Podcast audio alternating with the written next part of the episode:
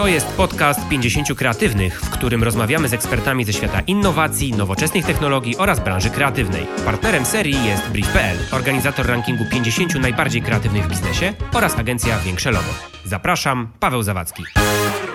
To jest podcast 50 kreatywnych. Ten odcinek nagrywamy w wyjątkowych okolicznościach, wielu ograniczeń w okresie pandemii wirusa, dlatego rozmawiamy przez Skype'a.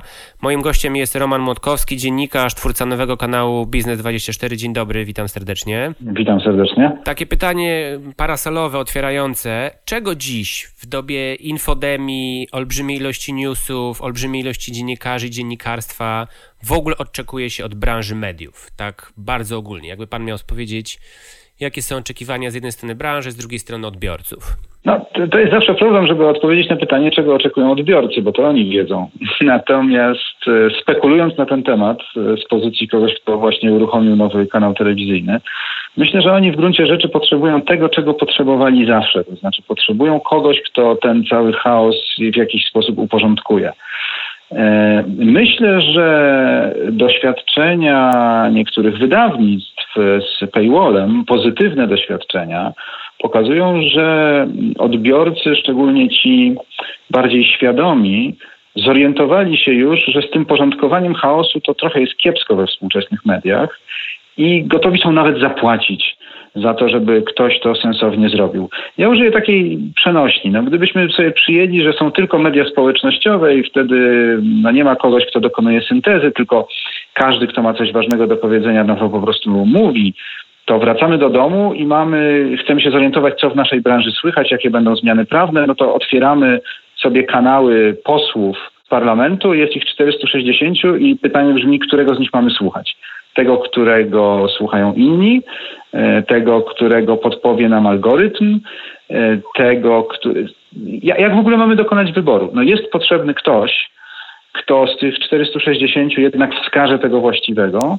No a ponieważ nie da się wysłuchać wszystkiego, co ten właściwy miał do powiedzenia, bo on pewnie nadawał wiele różnych rzeczy, a jeszcze w dodatku pewnie uprawia jakąś propagandę albo ma swoje, swój punkt widzenia, bo opowiada o przepisach, za którymi stoi, no to potrzebujemy też kogoś, kto skonfrontuje to, co zostało powiedziane przez tego, kto te przepisy, którymi się interesujemy, wprowadza, e, z punktem widzenia kogoś innego. No i zaczynamy potrzebować jednak tego pośrednika, tego kogoś, kto nam pomoże tę historię ująć w całość. I tutaj wbrew różnym takim przekonaniom technokratów o tym, że przecież e, dziennikarze robią to źle i lepiej to zrobią dziennikarze społecznościowi, to się jakoś nie potwierdziło. My, dziennikarze społecznościowi nie są w stanie tego zrobić lepiej. Z dziennikarstwem jest trochę tak jak z medycyną. No, nikt przy zdrowych zmysłach nie pójdzie do społecznościowego dentysty, który po prostu jest fajnym człowiekiem i po prostu ma takie hobby, że lubi grzebać w zębach. I po prostu, no po co tam iść do jakiegoś takiego wykształciucha, no to pójdę sobie do, do takiego, no, no nie pójdę, tak? I trochę tak samo jest z mediami. Natomiast w większym stopniu niż było przez ostatnie lata, myślę, że pole konkurencji teraz będzie się przenosiło w obszar wiarygodności, precyzji przekazywania informacji, pewnej kompletnej, kompletności, pewnego jakby tworzenia spójnego obrazu, bo w dużym stopniu media ścigały się przez ostatnie 10, 15, może nawet 20 lat na sprawność zarządzania, na koszty, na technologię, na różne rzeczy, które są w gruncie rzeczy poboczne. Nie dotyczą tego, tego, tego, tego najbardziej istotnego wymiaru przekazywania informacji. No właśnie y, z tego, co pan powiedział, wypływa taki obraz, że to tempo przekazywania wiadomości i ta ilość tych informacji staje się drugorzędne wobec ich autentyczności, rzetelności czy wiarygodności. Dobrze to rozumiem? To znaczy można postawić taką tezę, że teraz już to tempo nie jest takie istotne i ta tych informacji, mediów, tych kanałów społecznościowych oczywiście jest, zdajemy sobie z niej sprawę, no ale mimo wszystko potrzebujemy kogoś, kto nam to wszystko uporządkuje, poukłada, i powie, na co mamy patrzeć? Tak, no można powiedzieć, tak patrząc na to bardzo biznesowo, że zanim zaczęła się wielka rewolucja technologiczna w mediach, po części, czy właściwie głównie ze sprawą internetu, e, informacja była dobrem rzadkim. W ogóle treści były dobrem rzadkim. W tej chwili treści stały się dobrem no, takim masowym, takim skomodytyzowanym. Przypominają trochę nie wiem, pszenicę ładowaną do statku, czy węgiel ładowany do, do, do, do statku handlowego, do takich wielkich zbiorników. Ta informacja wylewa się zewsząd, co ma dwie konsekwencje. Po pierwsze, bardzo trudno jest na niej zarobić. To jest taki produkt, który generuje zerową marżę albo prawie zerową. A z drugiej strony no jest produktem no, niskojakościowym, no, jak ropa Brent, która jest, ma tam jakieś parametry jakościowe, ale generalnie nie jest benzyną. Więc tą ropę ktoś musi przetworzyć. I to jest rola mediów, bardziej myślę niż kiedykolwiek. Oczywiście media to jest taki problem, że one mają też odbiorców i tam jest jeszcze kwestia tego, do kogo mówimy, bo w zależności od tego, kogo sobie wyobrazimy jakiego jako naszego odbiorca, e, to musimy użyć innych, e, innego języka, a w dużym stopniu też być może innego doboru informacji. Bo rzeczy interesujące masowych odbiorców są śmieszne dla tych, nazwijmy ich bardziej takich świadomych. A tymczasem no właśnie ta technologiczna rewolucja, ta komodyzacja produktu, kurczenie się masz, zmuszają wszystkich do konkurowania o masową widownię. Więc wszyscy w gruncie rzeczy robią bardzo podobne rzeczy, pobierając podobne informacje i no można pewien anturaż taki światopoglądowy na to nakładać, który znowu różnicuje grupy na takie bardziej tradycyjne i takie bardziej postępowe, ale w gruncie rzeczy robi się to samo. No to w takim razie ja zapytam, gdzie w tym, na tym horyzoncie odbiorców między jedną grupą, która rozumiem jest przywiązana do mediów tradycyjnych, telewizji e, i tych takich wydań e, wiadomości, newsów w takiej klasycznej formie, a po drugiej stronie mamy tych, którzy czytają Twittera i obserwują setki tysięcy wiadomości na, na sekundę, gdzie na tym horyzoncie jest wasza nowa stacja, czy Biznes 24 i jaki jest wasz pomysł na to, przy którym którym końcu tego spektrum chcielibyście się znaleźć, a może chcecie to jakoś połączyć, bo ja e, z tego, co czytałem i, i widziałem, jak konstruujecie tą swoją stację, no to piszecie o tym, że z jednej strony chcielibyście dostarczać e, e, wiadomości, to ma być taka platforma publikacji z biznesem, rynkiem i konkretnym pieniądzem, no ale z drugiej strony chcecie zapraszać niezależnych twórców, blogerów, vlogerów. Jak chcecie to połączyć? Znaczy bliżej którego modelu chcielibyście się w takim idealnym świecie znaleźć? Ogół można dzielić na bardzo różne sposoby i tradycyjny i postępowi w znaczeniu, w którym użyłem go wcześniej, to to znaczenie, które ja miałem na myśli, mm choć może nie, nie, nie, nie dałem temu wyrazu bardzo jednoznacznie, bardziej dotyczyło konserwatywni i postępowi, e, ale w ujęciu społecznym, a nie e, metody konsumpcji mediów. Ja rozdzielę konsumpcję mediów na dwa modele, lean forward i lean back. Lean forward to są wszystkie metody, które wymagają pochylenia się nad czymś, i prędzej czy później, jak człowiek się długo pochyla, zaczynają go boleć plecy i kark.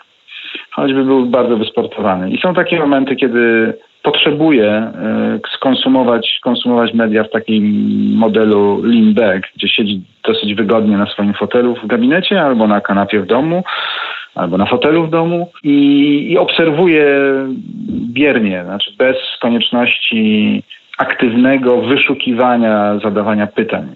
Tak? I to jest, i to jest to jest jeden podział, tak? Więc dla tych, którzy chcą, bo nikt nie konsumuje niczego przez cały czas, dla tych, którzy chcą e, przez chwilę posiedzieć i popatrzeć, um, jest telewizja.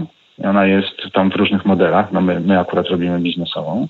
Y, no i dla tych, którzy lubią telewizję, no bo są bardziej tradycyjni, oczywiście też jest telewizja, no to jest, to jest, to jest oczywiste. I teraz tak, dla tych, którzy chcą rozrywki, jest telewizja rozrywkowa, a dla tych, którzy się interesują biznesem i akurat nie mają ochoty czytać kolejnego blogerskiego tekstu albo kolejnego tweeta, e, który pozostawia kontekst w domyśle albo w ogóle go nie podaje, chyba że się jest, że tak powiem, w sercu danych wydarzeń, no to dla tych ludzi mamy, mamy właśnie telewizję.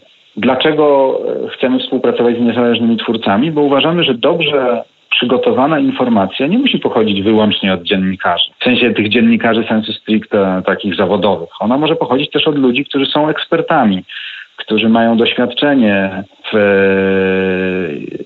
na przykład w robieniu biznesu i w organizowaniu sobie biznesowego życia czy biznesowego świata. Jeśli oni potrafią się podzielić swoimi przemyśleniami e, lub porozmawiać o nich e, ze świetnymi gośćmi, no to, to właśnie telewizja zawsze o tym była. I różnica między dawnymi czasy a obecnymi jest taka, że dzisiaj możemy sobie znaleźć e, ludzi, którzy no, dzięki nowoczesnej technologii, dzięki internetowi, dzięki platformom e, komunikacji społecznościowej. E, okazało się, że potrafią to robić całkiem nieźle, a jeśli tak, to my ich zapraszamy do, do współpracy, bo nie patrzymy na nich jak na konkurentów, tylko jako taką przestrzeń takiego takiej właśnie współpracy, koegzystencji, współpracy. A oprócz tego mamy takie normalne też programy robione takim sznicie czy modelu dziennikarskim, gdzie, gdzie robimy po prostu program informacyjny. No właśnie, chciałem o ten program taki sensu stricte informacyjno-biznesowy zapytać, bo y, rozumiem to po, podejście, w którym chcecie łączyć tradycyjne wydania programów z tym, prowadzone przez dziennikarzy, z tymi, prowadzący, z tymi y, prowadzącymi, którzy mają jakąś swoją wiedzę, albo tak jak pan powiedział, mają jakąś swoją działkę czy ekspertyzę, którą po prostu się dzielą w pewien sposób. Natomiast, y, no tak może, y, może przekornie zapytam, czy jest przestrzeń na kolejną stację, która podaje informacje biznesowe i newsowe? No bo... Y, Ale w Polsce zaryzykowałbym twierdzenie, że nie ma stacji, która podaje oprócz nas informacje biznesowe. Okej. Okay. Czyli zakładam, że chcecie dotrzeć do tych, którzy interesują się w tym modelu e, lean back, czyli siadam i oglądam, dostaję informacje, bo oglądam telewizję, natomiast nie ma takich treści w, o, o tematyce biznesowo-ekonomicznej w ogóle, tak? E, no wie pan, informacje z rynku kapitałowego pojawiają się w mediach ogólnych e, co kilka lat, jak jest krach. tak, to prawda. No na tym się nie, na tym się nie da budować mhm orientacji w tym, co się właściwie na tym rynku dzieje, czy on jest jakąś alternatywą dla naszych oszczędności, czy tam można zdobyć finansowanie na rozwój firmy, jaka jest właściwie koniunktura, co myślą inwestorzy, co myślą analitycy. No, nie, nie da się tego robić raz na kilka lat, kiedy tak, po prostu giełda w zasadzie przestała istnieć społecznie. No ale właśnie, czy to nie jest tak, że, że osoby, które się interesują giełdą i osoby, które pracują, dla których to jest instrument pracy, czy instrument finansowy, czy instrument y, codziennego życia, przeniosły swój punkt ciężkości z telewizji właśnie do tego internetu. Już nie mówię tylko o social mediach, tylko no, jest bardzo dużo y, platform, narzędzi, możliwości do obserwowania i do bycia w kontakcie y, z ekspertami czy ze specjalistami, również tej przestrzeni takiej digitalowej, niekoniecznie telewizyjnej. Ja po prostu się y, tak może trochę wkładam kij w, w mrowisko, pytając, czy, czy ta osoba, która ma być waszym idealnym odbiorcą, znajdzie i od, od, odbierze wasz przekaz. To po prostu to jestem, jestem, jestem ciekaw, jak, y, jak, nie wiem, chociażby ten pierwszy, pierwszy tydzień, bo wystartowaliście kilka dni temu, y, pokazuje, czy już macie jakieś informacje, jak pokazuje, jaki jest odbiór y, produktu, jakim jest wasza stacja. No na razie mamy małą dystrybucję i wszystko się dopiero zaczyna, więc nie mamy jeszcze, nie widzimy jeszcze wyników, więc na dzisiaj, e, środę 25 marca nie jestem w stanie pochwalić się wynikami konkretnymi. Natomiast y, no, jestem oczywiście wzruszony troską e, o to, żeby nam się udało.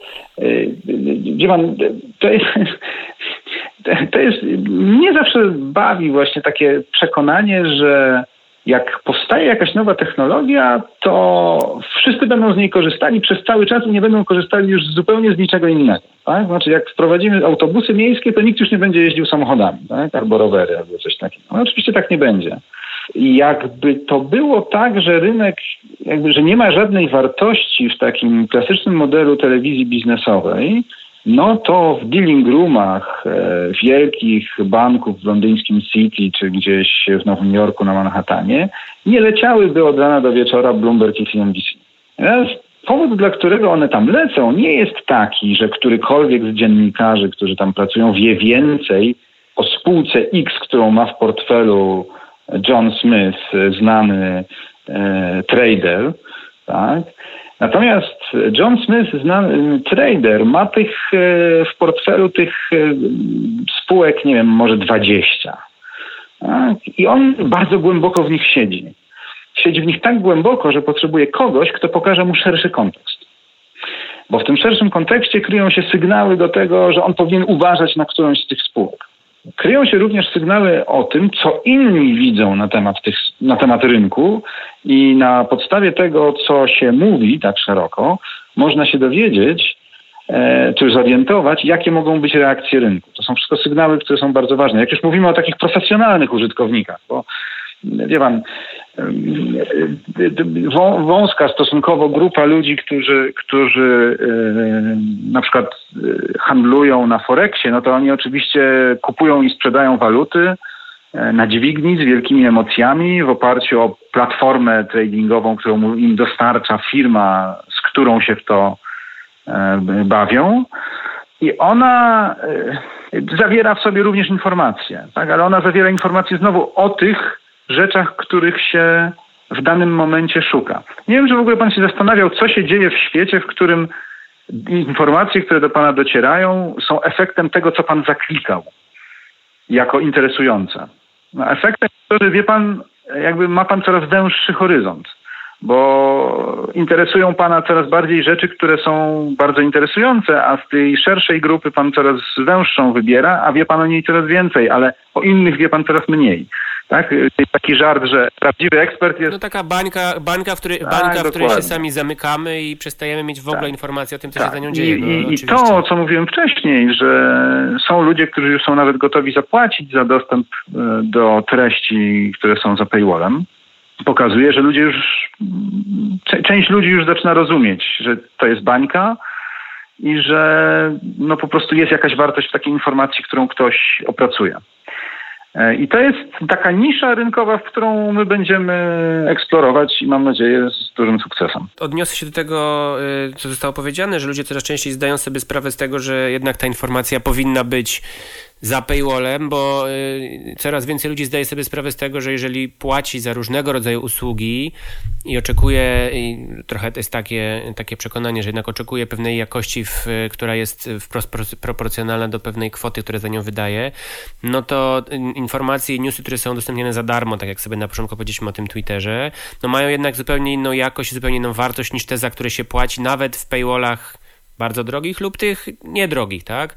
I, I, jak popatrzy się na statystyki paywalli tych dużych czy największych międzynarodowych wydawnictw, no to one zdecydowanie zwiększają swoje zyski i obroty, bo ludzie zaczynają być przyzwyczajeni do tego, że za rzetelne dziennikarstwo i za poważne i profesjonalne opracowania po prostu trzeba zapłacić, tak? Natomiast z drugiej strony tak. No tak, bo wiedzą, że to, to, to za darmo tak, jest po prostu mało warte. Wchodzimy teraz w tą, w tą drugą historię, czyli w kanał telewizyjny, który jednak dla większości ludzi wydaje się być medium dostarczonym zupełnie za darmo, tak?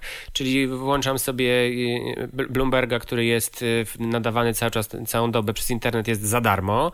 No i teraz pytanie, na ile on jest rzetelny, czy nie? Znaczy, no oczywiście wiemy, że jest rzetelny, no bo jest częścią większego ekosystemu, tak?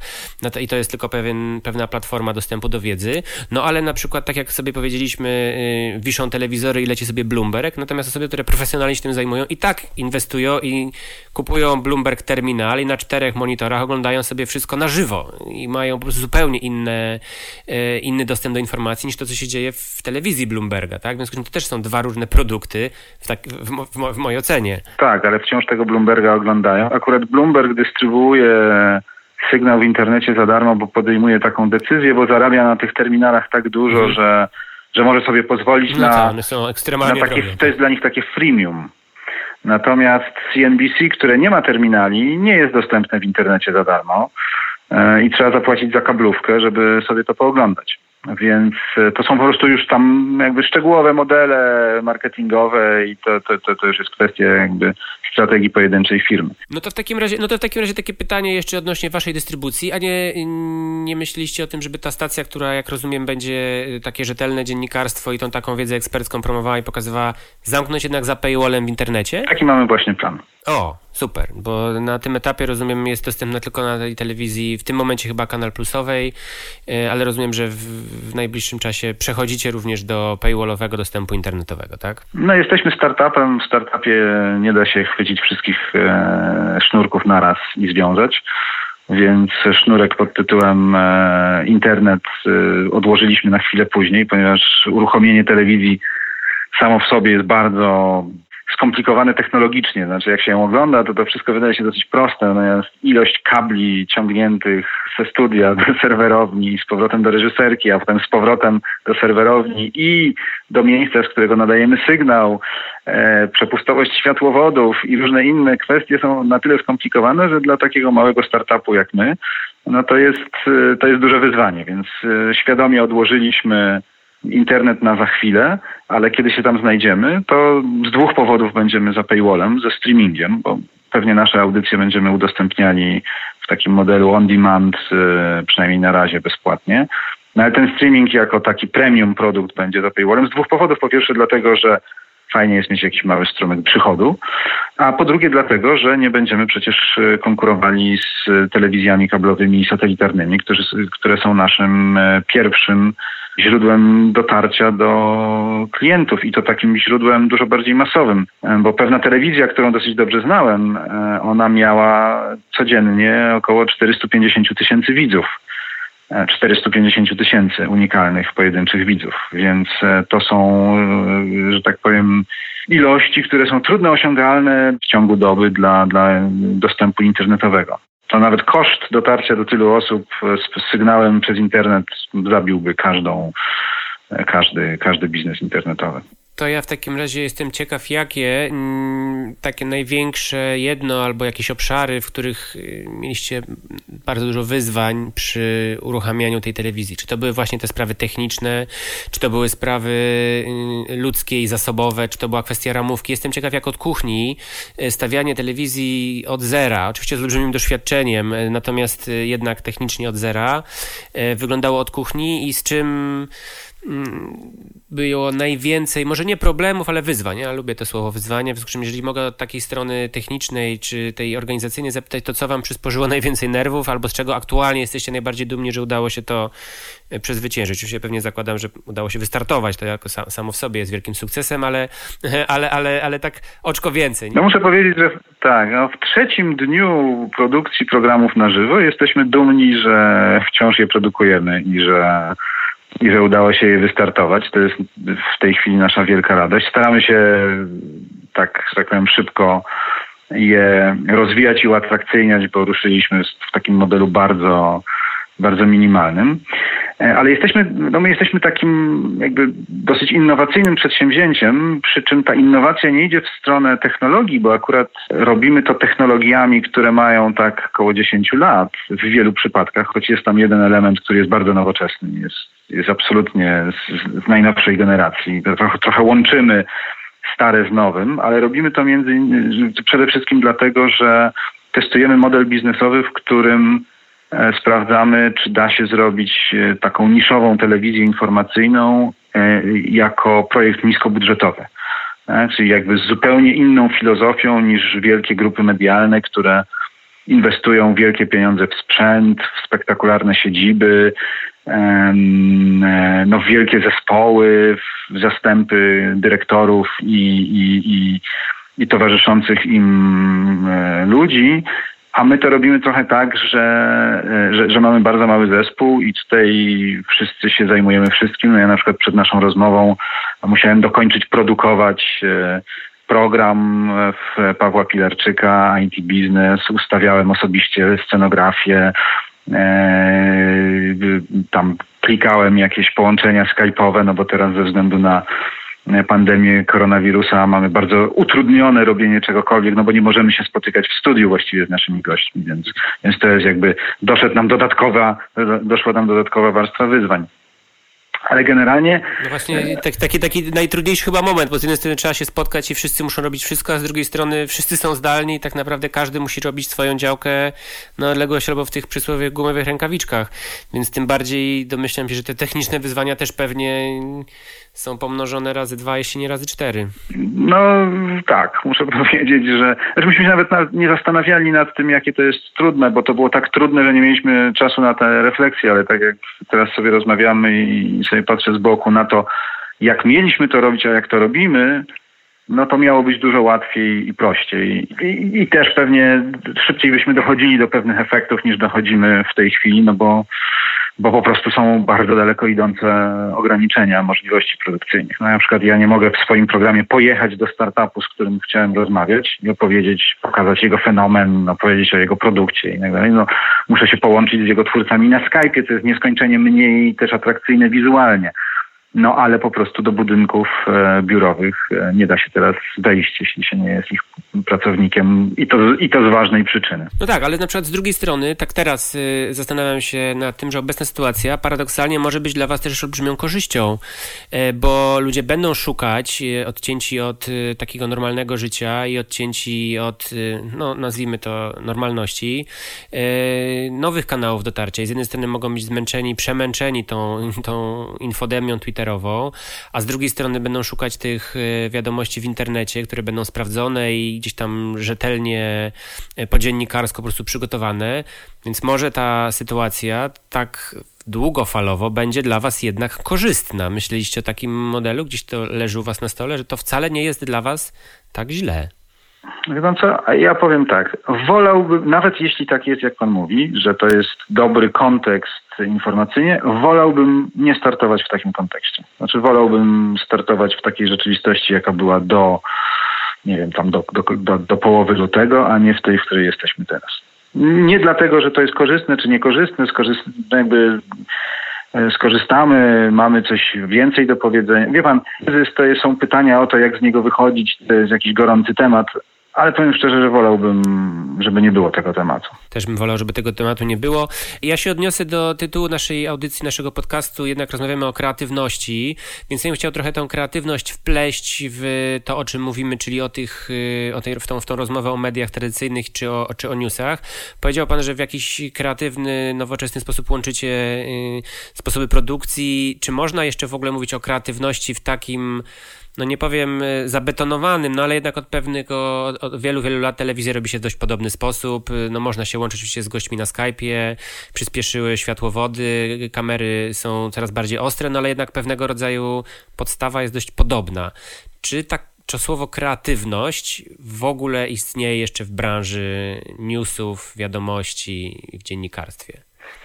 Wie pan co, no, jestem absolutnie pewien, że istnieje. Pytanie, w którą stronę ma iść, bo ona może dotyczyć, wie pan, kreatywność może dotyczyć formy programu, albo doboru treści tego programu, albo sposobu jego finansowania na przykład. Tak? Więc, więc o ile formalnie rzeczywiście jest bardzo dużo rzeczy było próbowanych, już siedziano za stołami, stano koło stołów, stano pod bimami, chodzono od bimu do stołu i od stołu do bimu. Siadano w 3, 5 i więcej osób. Nasi um, koledzy z amerykańskiego CNBC odeszli od ramek potrójnych i przeszli do czegoś, co nazywają dekaboksami, czyli potrafią zrobić ramki, w których jest 10 osób naraz na ekranie. No każda dosyć malutka, ale jednak i każda z nich może coś powiedzieć w tym programie. Więc jakby formalnie już wszystko zrobiliśmy. No teraz moim zdaniem, ale to, to właśnie ja nazywam wyścigiem na technologię. I każda branża przechodzi taką fazę zachłyśnięcia się technologiami, gdzie gracze ścigają się na to, kto zrobi przysłowiowe więcej ramek. E, myślę, że teraz nadchodzi czas, w którym trzeba by się zacząć zajmować w większym stopniu tym, jak skonstruować strukturę kosztową przedsiębiorstwa, żeby można było robić wartościowe treści e, w sposób zapewniający no przynajmniej utrzymanie, a, a, może jakąś rentowność. I wydaje mi się, że w firmach medialnych jest dużo do zrobienia w e, przestrzeni właśnie struktur kosztowych, E, które odblokowałyby możliwość tworzenia wartościowych treści bez konieczności uciekania się właśnie do clickbaitów, do konkurowania o masową e, publiczność, której bardzo wiele bardzo ważnych rzeczy, o których warto rozmawiać, po prostu nie interesuje.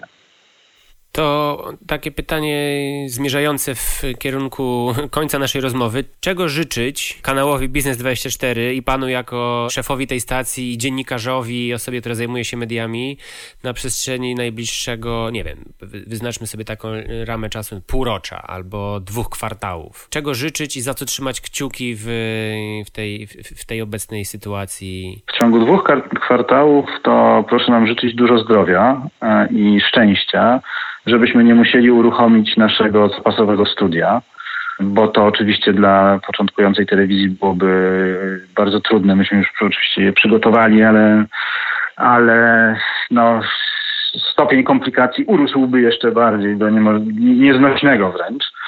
To jest pierwsza rzecz. Um, a poza tym, no, ja myślę, że dla każdych, każdego medium zainteresowania widzów, yy, powodzenia w budowie dystrybucji, bo, bo, bo jesteśmy dzisiaj w, na znakomitej platformie Cyfra Plus na kanale 213. Od początku kwietnia będziemy również e, w Orange'u, później pojawimy się w sieci Toya. Kolejne, kolejne mam nadzieję, będą w miarę regularnie e, dokładane. No ale to jest, to jest dla nas bardzo ważna rzecz, żebyśmy mieli e, dobrą dystrybucję, bo to nam pozwala dotrzeć do klientów, do widzów i do klientów reklamowych, którzy, dla których stajemy się wtedy bardziej atrakcyjni. E, także ja, ja mam takie małe marzenia, bardzo menadżerskie i bardzo przyziemne. Natomiast chciałbym też, bardzo bym sobie też życzył, żeby jak najkrócej trwał kryzys związany z koronawirusem i było jak najmniej e, mówienia o wychodzeniu z kryzysu, czy mówienia o tym, jak głęboki kryzys może być, bo właściwie jeszcze nie jesteśmy na tym etapie, żeby się dało w ogóle określić, jak bardzo będzie źle. Już, już gdzieś ktoś mm, napomknął o 20, minus 20% w gospodarce niemieckiej. Myślę, że to jest kompletnie nie, nie, nierealne i, i absurdalne, żeby była taka recesja. E, no ale oczywiście rzeczywistość, w której bardzo wiele firm stoi no i nie wiadomo jak długo będzie w stanie płacić swoim pracownikom i tak dalej, i tak dalej, a, a, a państwa będą musiały się głęboko zadłużyć, żeby jakoś wyratować te wszystkie przedsiębiorstwa, no to, to, to wszystko wygląda dość przerażająco. Chciałbym nie musieć tego relacjonować. I to jest moje bardziej długofalowe marzenie. To, to, to długofalowe marzenie bardzo mi się podoba, podpisuję się pod nim. Jednak zadam jeszcze jedno pytanie, bo tak myślę sobie z punktu widzenia, no, odpowiedział pan tak właśnie menadżersko, z punktu widzenia zarządzającego e, stacją, e, a z punktu widzenia dziennikarza albo prowadzącego. E, jestem ciekaw, jak jaki idealny albo wymarzony program, format chciałby Pan stworzyć? Niekoniecznie, e, niekoniecznie u siebie, ale życzę, życzę u Was. E, jak wygląda taki wymarzony program e, redaktora Romana Młotkowskiego, najbardziej wyczekiwany, taki święty gral Pana głowy? No takie, taka trochę sfera marzeń, ale, ale może spróbujmy się w to pobawić. Moim wymarzonym programem jest taki program, w którym założę firmę i pokażę widzom, jak ona się rozwija ze wszystkimi jej finansowymi bebechami, bo jestem wielkim fanem czegoś, co się nazywa finanse zarządcze. Uważam, że to jest słabo rozpoznane, niedoceniane, a tam się kryje źródło wszystkich przewag e, biznesowych, które zapewniają niektórym firmom spektakularne sukcesy, a innym ich nie zapewniają. O. Więc to byłoby moje marzenie, żeby zrobić taki show, w którym można sobie oglądać na różnych platformach, jak e, jakaś firma X wymyślona, może założona z inicjatywy e, widzów dzień po dniu, a może tydzień po tygodniu się, się rozwija. To jest bardzo trudny projekt, e, również do sfinansowania, bo był dość kosztowny, ale gdybym miał puścić zupełnie wodze wyobraźni, to, to właśnie takie coś chciałbym, chciałbym zrobić, żeby na, na, na żywym biznesowym organizmie pokazywać, jak, jak, jak wygląda robienie biznesu, jak się tworzy wartość ekonomiczną bo o to przecież w biznesie też chodzi. Ta, ta, tą wartość, którą się tworzy w biznesie, to ona nie dotyczy wyłącznie właścicieli i pracowników, ona ma znacznie szerszy wymiar. Jestem bardzo usatysfakcjonowany tą odpowiedzią, bardzo za nią dziękuję. E, no i trzymam kciuki, żeby może w jakiejś perspektywie kilku, no może miesięcy to nie, ale e, tych kwartałów taki program udało się znaleźć, e, stworzyć, sfinansować i, i pokazać szerszemu grono odbiorców. No może jakiś sponsor usłyszy i będzie chciał o tym porozmawiać. To, to, to, może to super. tak, wyobrażam sobie, wyobrażam sobie takiego biznesowego Big Brothera, bo to trochę tak brzmi, że to miał Tak, tak, coś takiego, tak, Brother, tak, dokładnie tak, tak, tak, tak jak Jakaś taka mała giełda. Krzyżówka, wie pan, tak, taka krzyżówka makeoveru z Big Brotherem. Mm -hmm. No ciekawe, ciekawe. No myślę sobie, że to nie było takiego formatu jeszcze, przynajmniej nie przypominam sobie, żeby cokolwiek takiego gdzieś powstało. Yy, może to jest jakiś dobry, nowy pomysł, tylko nie wiem teraz z drugiej strony, czy w tym kryzysie znajdzie się ktoś, kto wyłoży pieniądze, żeby patrzeć, jak firmy upadają jak muchy. No, ciężko powiedzieć. Może, może się uda. W tym kryzysie w związku z ograniczeniami możliwości poruszania się i spotykania, co jest powodem, dla którego rozmawiamy na Skype'ie, no to wyprodukowanie takiego programu byłoby po prostu niemożliwe. Dlatego też chciałbym, żeby sytuacja jak najszybciej wróciła do normy. Ja w ogóle nie, nie znajdowałem nigdy i nie znajduję satysfakcji w takich, w nadmiernej ekscytacji E, też mówię to jako dziennikarz, w nadmiernej ekscytacji dramatycznymi sytuacjami. Ja uważam, że jest tyle fascynujących zjawisk ekonomicznych i biznesowych w normalnej sytuacji, że, e, że ta normalność wydaje mi się znacznie bardziej atrakcyjna niż, taka, ta, niż, niż takie zdarzenia ekstremalne, z jakimi mamy teraz do czynienia. No to obyśmy do tej normalności jak najszybciej wrócili. Mam nadzieję, że to się bardzo szybko wydarzy i, i się uda. Bardzo dziękuję za rozmowę. Y, mam nadzieję, że że Biznes 24 y, wypali, będzie świetnym projektem, świetnym produktem i, i wspaniałą stacją. Czekam na transmisje internetowe i do usłyszenia. Do usłyszenia. Dziękuję bardzo, mi było miło. Dzięki za dziś. Pozostałe odcinki tego podcastu znajdziecie na Spotify, Apple Music, SoundCloud oraz w swoich ulubionych odtwarzaczach podcastowych. Do usłyszenia!